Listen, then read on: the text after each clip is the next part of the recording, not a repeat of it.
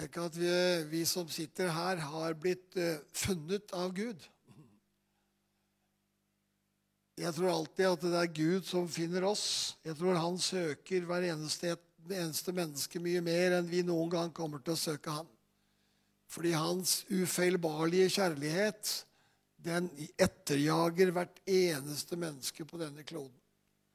Og han gir seg aldri. Vil si det gjør han vel en vakker dag, men eh, i hvert fall ikke enda, tydeligvis.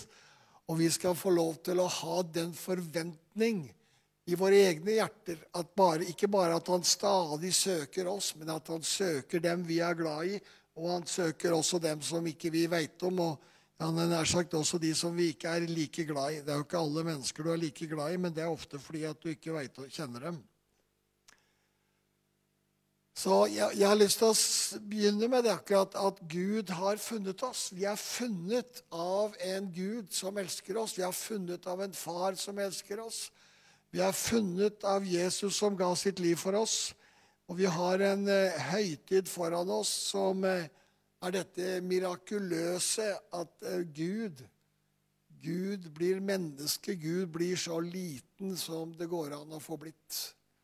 Og det uttrykkes som noe av det jeg har vært veldig opptatt av dette året som er i ferd med å slutte, nemlig om Guds grenseløse ydmykhet. At Gud er så ydmyk, det, og det topper seg i at Jesus Kristus, Guds sønn, blir et eh, ørlite, en ørliten celle i en, i en 14-15-16 års gammel jente. Det uttrykker Guds ydmykhet, hvordan Gud bøyer seg ned og finner oss. Og David sier jo i Salme 18 han sier at 'din ydmykhet, Gud', sier han har gjort meg stor. Altså det at han kjenner at han er tilgitt, at han er elsket på tross av Og David har jo gjort noen feil, som noen av oss andre har gjort. Men hans feil var jo relativt grove, for de fleste av oss har jo ikke liksom lagt an på å drepe noen, sånn som han gjorde. Og allikevel er det da David som sier at din ydmykhet, Gud, fordi Gud bøyer seg ned. Det står jo i Salme 18, så hvordan Gud bøyer seg ned. Og så hadde jeg lyst til å lese da litt fra Salme 89, hvor, eh, hvor eh, det, fra vers 21 så, så er det Dette er uttrykk direkte fra Guds munn. Jeg fant David, min tjener. Jeg salvet ham. Altså, Gud fant David. Det var ikke David som falt Gud, fant, fant Gud men Gud, altså Javé, han fant David. Og han utvalgte David, den som vel egentlig ikke du skulle forvente og skulle bli funnet. David som så langt jeg kan forstå, var en, eh, et uektefødt barn. Eh, det må jo være eneste grunnen til at faren hans, at eh, Isai ikke tok med han da Samuel kom for å salve en av sønnene hans, og han var ikke der engang. Så Isai regnet tydeligvis ikke med at David var liksom noe å satse på. Og Det er vel også det som gir seg uttrykk i Salme 51 når David sier at han er unnfanget i synd det vil si altså, For det er jo ikke noe synd å bli unnfanget, Så man har ment at han ble unnfanget i en situasjon, altså utenfor ekteskap. Men det er akkurat det mennesket altså som eh, Gud finner. Det som ingenting er, det utvalgte Gud seg, står det i 1. Korinterbrev. Det som ingenting er, utvalgte Gud seg for å gjøre det som er noe til skamme. Det som er stort i verden, det som er høyaktig i verden, ja, det er ikke det som blir til noe. Men det er det som ingenting er. Det utvelger Gud seg. Og eh, da skal vi være takknemlige for at vi får lov å være blant dem som Gud har utvalgt. Det er jo ikke det at Gud ikke utvelger alle. Men vi, vi kan være så takknemlige for at vi på en eller annen måte ble mennesker som åpnet vårt hjerte så mye at Jesus kunne slippe inn. Det er sånn jeg ser på min egen frelse, at jeg ble funnet av Gud. Og så ga Den hellige ånd meg nåde til å åpne hjertet mitt såpass at han fikk sneket seg inn, hadde jeg nær sagt. Og, og, så skjer det et mirakel, For i det øyeblikket Den hellige ånd slipper inn, altså at Jesus slipper inn, så begynner det å skje noe med hjertet vårt. For da kommer han inn i hjertet vårt, og når Den hellige ånd kommer inn i hjertet vårt, så begynner det en prosess. Plutselig så skjønner du det som du ikke skjønte. Plutselig Jeg husker jo, for jeg sjøl satt jo Jeg var jo en som var veldig Ikke, ikke egentlig søkende engang, men, men jeg begynte å lese Johannesevangeliet den, den eh, høsten jeg var 18 år. Og hver kveld så leste jeg litt og skjønte ingenting. Og så, ved å si ja til Jesus, og jeg så begynte å lese Guds ord, så plutselig skjønte jeg hva som sto. Det ble åpenbaring, fordi nå kom Den hellige ånd og begynte å opplyse ordet for meg. Og så smeltet ordet og ånden sammen, og så ble det til liv for meg. Slik at jeg kunne se åh, det er jo sant, alt dette her, jo. Alt dette som står i Bibelen, dette er jo Guds ord, dette er levende. Men det er levende bare når Den hellige ånd hjelper oss til å se det. Og altså Her leser vi at 'jeg fant David, min tjener, og jeg salvet ham'. Har du tenkt på det, at du er funnet? Det er ikke noe forskjell på deg og David. Vel, det er litt forskjell på jobben du har, tenkt, du har satt å gjøre her på jorda. Eh, men du er salvet. Altså, Du har fått Den hellige ånd. Den hellige ånd er over deg. Den hellige ånd har salvet deg. Du er salvet i det du gjør. Og i de små ting skal du være åpen, ikke sant? Alle små ting. Som når jeg var på Rema 1000 oppe i Hunndalen i går. Også, jeg skulle jo ikke på butikken der, eh, men, men, jeg dro inn der. Og der traff jeg en av altså mine stebestemors som hun var tante til. En mann på mange 80 år. Og Så prata vi en stund, og så kunne jeg også gi han et lite, lite minne om at du eh, må sørge for at eh, for evigheten i livet ditt, og snakke litt om det. Og så, og så, kan Gud bruke oss i de små ting. Og så er vi salvet også i de små ting. I de små gjerninger.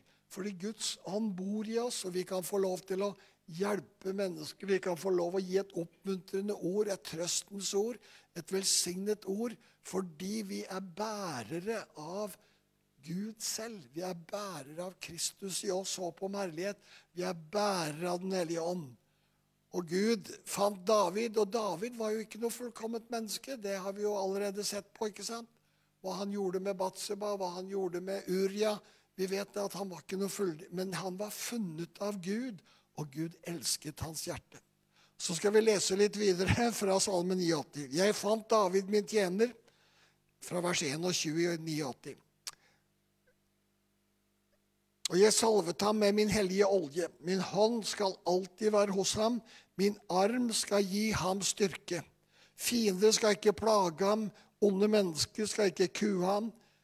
Jeg knuser motstandere foran ham. Den som hater ham, slår jeg ned. Min trofasthet og miskunn Og der kommer det et ord i miskunn. Jeg har bare lyst til å oversette det.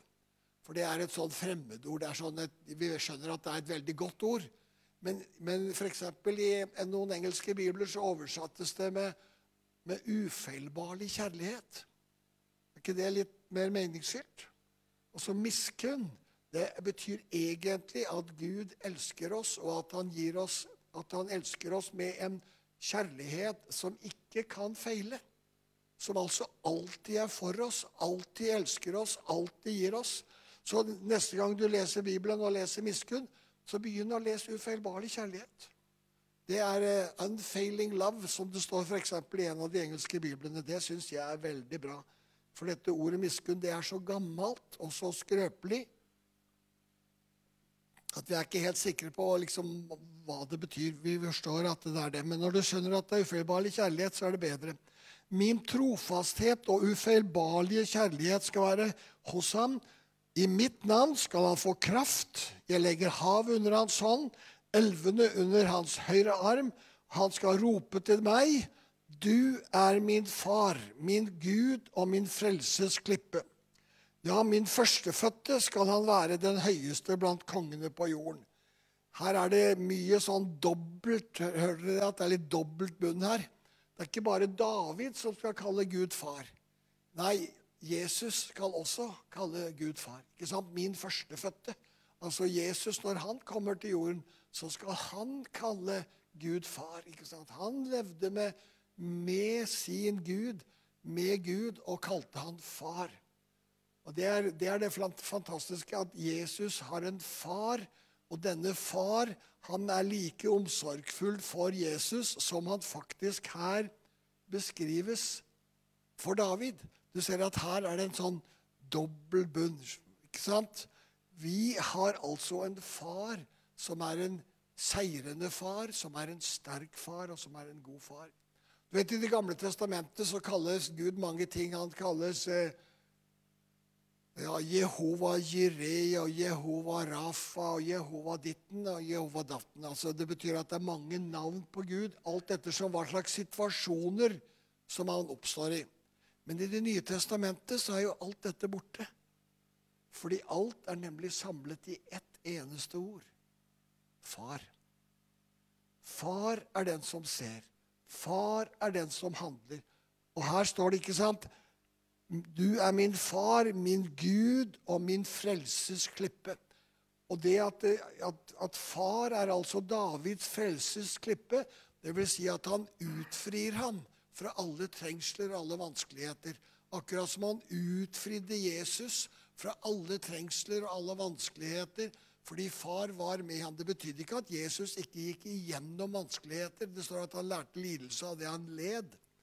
Så som Jesus gikk igjennom det, men hans fars kjærlighet, hans miskunnhet, altså ufeilbarlige kjærlighet, var alltid med David og villet og virket til hans velbehag. Slik at, at alt gikk, gikk, fint. Og slik er altså Gud blitt vår far. Akkurat som vi kaller Gud far, fordi Jesus har tatt oss hjem til Gud som far. Kjetil begynte å møte i dag med å si at eh, 'Jeg er veien', sier Jesus, 'sannheten og livet. Ingen kommer til far uten ved meg'. Og Det er nettopp det at Jesus da tar oss til far. Og i denne omsorgen, i denne kjærlighetsomsorgen, dette at fars armer alltid er rundt oss Her du sitter nå, eller hvor du enn sitter, så kjenn på det at fars kjærlige armer, ufeilbarlige kjærlige armer, holder faktisk rundt deg. Du kan jo prøve å holde rundt deg. Og det virker, skjønner du. Det virker, det hjelper. Ja, ja, ja, det hjelper. Det er ikke det at noen må be for deg. Du kan be for deg sjøl, og så kan du gjøre noen symbolske handlinger som å holde rundt deg. Og, og, og Gud, han elsker å være nær deg og elske deg der du er. Han, han, elsker faktisk å være nær deg når du, når du koser deg. ikke sant? Hvis du sitter der med en kopp kaffe. ikke sant? Therese sitt med en kopp kaffe, så elsker han deg. Midt i opp at du sitter og drikker kaffe midt under møtet. Det er veldig bra å kunne gjøre det. Eller strikke, som noen gjør. Og og i det hele tatt vite at det er en fars kjærlige armer rundt deg. Eh, jeg hadde lyst til å tale i dag. Jeg sa til Kjetil at jeg hadde lyst til å si noe i dag. Og det var fordi at eh, jeg satt eh, i min stol da, og så utover Mjøsa. Det har vært lite å se utover Mjøsa i det siste. forresten. Det har vært veldig mye tåke her i, på Østlandet nå. Så, men i dag er det, så vi sola igjen. I hvert fall eh, i halvtime. Så, så, det er bra. Men når jeg sitter der, så kjenner jeg på den hvilen og den freden. Og så kjenner jeg på begeistringen jeg kjente bare på denne begeistringen over å få lov å ha hvile og fred i hjertet. Og få lov å vite at jeg er elsket av en far som er ufeilbarlig, og som vil elske meg hele tida. Og han vil elske meg, som vi også har sunget her i dag, han vil elske meg helt fram til himmelen, og da vil han elske meg enda mer. Og det er denne ufeilbarlige far som vi har fått. Og det begeistrer meg. Samtidig så slo det meg denne begeistringen også for den autoriteten som er gitt. Dette navnet Jesus, vet du, dette at vi, at vi har fått navnet Jesus, at Jesus har seiret over makten og myndigheten og ondskapens ånde her i himmelrommet, og djevler og demoner og sykdom og all elendighet som vi strever med, så har allikevel Jesus seiret over det. Hvorfor vi ser litt lite av det, det kan jeg ikke forklare for deg. Det jeg kan si og tale med autoritet, at når Jesus døde på korset, ja, så beseiret han, Jesus, så beseiret han djevelen. Og når Gud da, vår far, reiste han opp fra de døde, så godtgjorde han at det er en, seiers, en seier som er vunnet for oss, og den seieren skal vi få lov å leve i. Og, og, og det så liksom disse to tankene som da datt ned i hodet på meg, de, de fylte meg med en sånn veldig begeistring av at jeg har en far. Jesus har kjøpt meg slik at jeg har en far som elsker meg. Og denne Jesus som har kjøpt meg, han har seiret over skrøpeligheter og vanskeligheter og ondskapens ånde her i himmelrommet, slik at jeg har en autoritet til å gå ut i denne verden og være en som bringer frelse og frihet til mennesker. Og Det har jeg lyst til å oppmuntre oss til enda mer, og våge oss ut på det. Og jeg taler jo mest til meg sjøl, men hvis du syns det er ålreit å høre på, så er det greit. men, men, fordi at denne, denne, frimodigheten, at vi kan få lov til å kjenne igjen situasjonene som Gud gir oss. Kjenne igjen situasjonene når vi går på tur i skauen. Jeg har gjort det litt sånn i høst, og så plutselig så treffer jeg folk. Eh, midt inne i skauen, og så står vi og snakker litt om forskjellige ting, og om fornuftige ting også. Men, i alt dette her at vi er medmennesker som elsker de medmenneskene vi møter, og som kan være mennesker som forløser noe. Og vi vet ikke alltid hva vi forløser. Jeg mener, Vi føler ikke folk alltid inn i, inn i at de tar imot Jesus og blir født på ny og alt dette her. Men vi kan, vi kan være med mennesker, kjenne på mennesker og være en trøst og et liv for mennesker. Så kan vi være med å bringe dette, dette som, eh, som David erfarte. ikke sant? Du er min far, min Gud og min frelses klippe. Altså bringe noe av denne seieren som er i navnet Jesus. Og Det er disse to tingene som eh, som jeg hovedsakelig har lyst til å, å, å, å, tale om i dag. Tale om den friheten, den trøsten som er. Altså Gud, vår far, han er all trøst, Gud. Og han trøster oss i vår nød og i vår vanskelighet. Han lar oss ikke være uten trøst. Vi får lov å være hjemme, komme hjem. Og hva det har betydd for meg, det har jeg snakket mye om, men det betydde alt for meg. Det er to ting ikke sant, som betyr veldig mye. Det er den dagen du blir frelst, tar imot Jesus. Men det er faktisk en dag også når du får kjenne at du er elsket av Gud, din far, og du er sett av Gud. Du er sett av far. Du er sett av Han som har skapt himmel og jord. Fordi at det er det vi mer enn noe annet har behov for. Det er å bli sett. Å bli sett. Å bli sett betyr ganske enkelt å bli sett at vi er anerkjent. Vi er godkjent. Vi er OK. Fint å være OK. Det høres, så, det høres liksom så litt enkelt ut, men det er så veldig fint å kjenne at jeg er OK. Jeg er rett og slett den jeg er. Gud har skapt meg sånn. Det er hans jobb å helliggjøre meg. Og det er ikke min jobb å kjenne på skam og skyldfølelse og alt mulig rart. Det kan jeg få lov å legge fra meg, og så kan jeg få lov å være elsket av Gud. Og så har han sagt at han vil berøre hjertet mitt, og han vil forløse hjertet mitt, og han vil forandre hjertet mitt. Hans, det er hans jobb. Paulus sier det krystallklart at han er blitt oss. Hvem er det? Kristus i oss er blitt oss visdom fra Gud. Han har blitt oss rettferdighet. Han har blitt oss forløsning. Og så har han blitt oss noe som er viktig. Han har blitt oss helliggjørelse. Så hvordan, hvordan blir du helliggjort? Ikke ved å ta deg sammen, men ved å la Han som helliggjør, få lov til bare å helliggjøre deg. Og det er han i stand til. Og han gjør det på en fin måte. Og han gjør det slik han ser det er nødvendig. Og så er det viktig å ikke komme i veien for den med religiøse øvelser og tro at vi skal helliggjøre oss sjøl, men sette oss sjøl i en posisjon der vi kan la Han få lov å slippe til. Og få la han få lov å ville og virke til sitt velbehag i vårt hjerte, slik at vårt eget hjerte det som, Og når, det, når hjertet ditt blir forvandlet, da, ja, da blir du forvandlet. Hvis du tar deg sammen, så kan du ta deg sammen et år, og så sprekker du allikevel.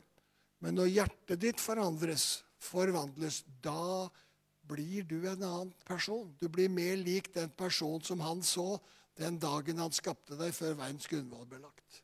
Og det er Guds mål. Og det er Guds hjertes tanke for oss. Og i det vi forvandles fra herlighet til herlighet, som ved min ånd, som det står i 2. kor 318, så skjer det også det at vi kan ha frimodighet til å bringe det budskapet vi har fått å bringe. For vi har jo gitt, blitt gitt denne forsoningens tjeneste, har vi ikke det? Vi skal be om at folk skal bli forlikt med Gud, og at de skal forstå at ikke, de trenger ikke å bli forandret eller omvende seg før de har tatt imot Jesus. For omvendelsen er nettopp å tro på Sønnen. Synd er at de ikke tror på meg, sier Jesus.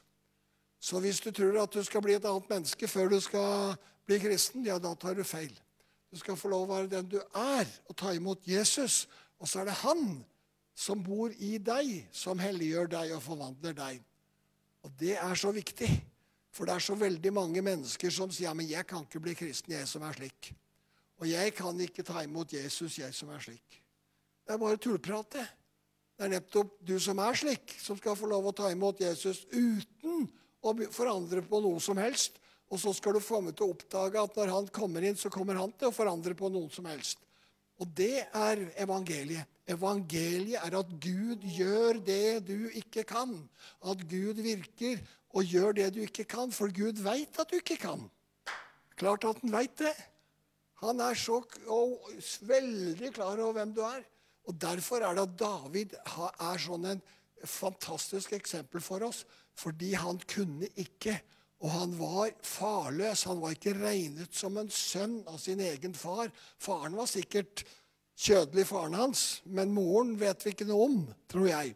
Og, og Derfor så var han så farløs at han ikke ble regnet med den dagen Samuel kom. Men så er det det at Gud regner med. Gud regner med deg, og Gud regner med meg. Gud elsker hver eneste en av oss, og så gir han oss liv slik at vi kan være med og gi liv. Derfor så står det så fint oppe over her. Det ser du ikke, du som ser på TV. eller hva du ser på. For her står det 'ta imot Guds kjærlighet', står det, og gi det videre. Og det er det vi gjør. Vi tar imot kjærligheten. Kjærligheten som har denne forvandlende kraften, denne hellige ånd, som altså forvandler oss, slik at vi gradvis blir mer og mer lik Jesus. Og så skal ikke vi være opptatt av om vi blir mer og mer lik Jesus eller ikke, men vi skal rett og slett bare være opptatt av å ta imot kjærlighet. Drikke. Derfor sier Paulus, drikk dere ikke drukne på vin, men bli fylt av Ånden. Og når du blir fylt av Ånden, da skjer det noe med hjertet vårt, og da skjer det noe med personligheten vår. For Gud er den som gjør sin gjerning. Så det skal vi få lov å ta imot i dag. Vi skal få lov å takke for at uh, vi har sånne forbilder som f.eks. For David, som er da dette utrolige mennesket som Gud elsket. Men i noen menigheter på, i, i, vårt land i dag så ville jo ikke han fått lov å være verken pastor eller ha noen tjeneste. Han hadde bare fått lov å sitte på bakerste benk. Fordi han hadde jo levd Han badet pga. det han gjorde med Batseba og Uria. Hadde ikke fått lov. Men her i familiekirken hadde han faktisk vært velkommen. Og han skulle fått lov å preke, og han skulle få lov å stå fram. Ja. Fordi vi tror på gjenopprettelse av alle mennesker, uansett hva man har rota seg borti. Fordi det, sånn er Gud. Sånn er David et bilde på. Og sånn er det mange, mange, mange mennesker. Og det er det vi, som begeistrer meg noen ganger når jeg leser enten det er disse her historiene fra evangeliesenteret eller rundt om i verden. Det som begeistrer meg, er at det er sånne mennesker som det har gått så riktig gærent med, og som har gjort så mye havna havnet opp i så mye elendighet. Og så kommer Gud, så kommer Jesus inn i hjertet, og så forvandles mennesket innenfra. Og så står de fram, og så, og så får de lov å vitne om at det fins en Gud som gjør under, og som skaper nye ting, og som er i stand til. Så Jesus han seiret over makten og myndighetene, og han fører oss hjem til Far. Så det ærer vi deg for, gode Gud, at du er en Gud, Far, Sønn og Hellig Ånd, som gir liv og liv i overflod til oss i dag. Noen få dager før jul så velsigner du oss, og så gir du oss liv, og så får vi lov til å minnes hvor fantastisk du er, hvordan du i din ydmykhet steg ned og ble en frelser for oss, og som løfter oss opp og gir oss ære.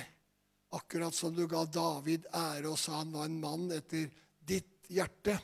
Selv om han ikke var en fullkommen. Og så takker jeg deg for at jeg og hver eneste en som sitter her og som hører, selv om vi har feilet og gjort mye rart, ja, så, til, så, så, så tilgir du oss, og du renser oss, og du forløser oss inn i å tro at vi er elsket for din egen skyld. Takk, Far. Takk, Jesus, for ufeilbarlig kjærlighet. Og vi ber om at denne ufeilbarlige kjærligheten skal få lov å flyte inn i oss akkurat nå. At vi kan få lov til å si takk, far, at du elsker. Takk, Jesus, at du elsker. Takk, Hellige Ånd. Du er kjærlighet. Du har ikke, men du er. Takk at du er kjærlighet i våre hjerter. Akkurat nå så er du kjærlighet i våre hjerter. Og så både vil og virker du til ditt velbehag. Så reiser du oss opp i det vi tar tid til å bli elsket, til å ta imot fra den himmelske. Ta imot fra deg, far, som er nær og alltid nær og alltid elsker. Så takker vi deg også for at du gir oss nåde til å kjenne igjen det du gjør når vi er ute i verden. Kjenne igjen de menneskene vi møter.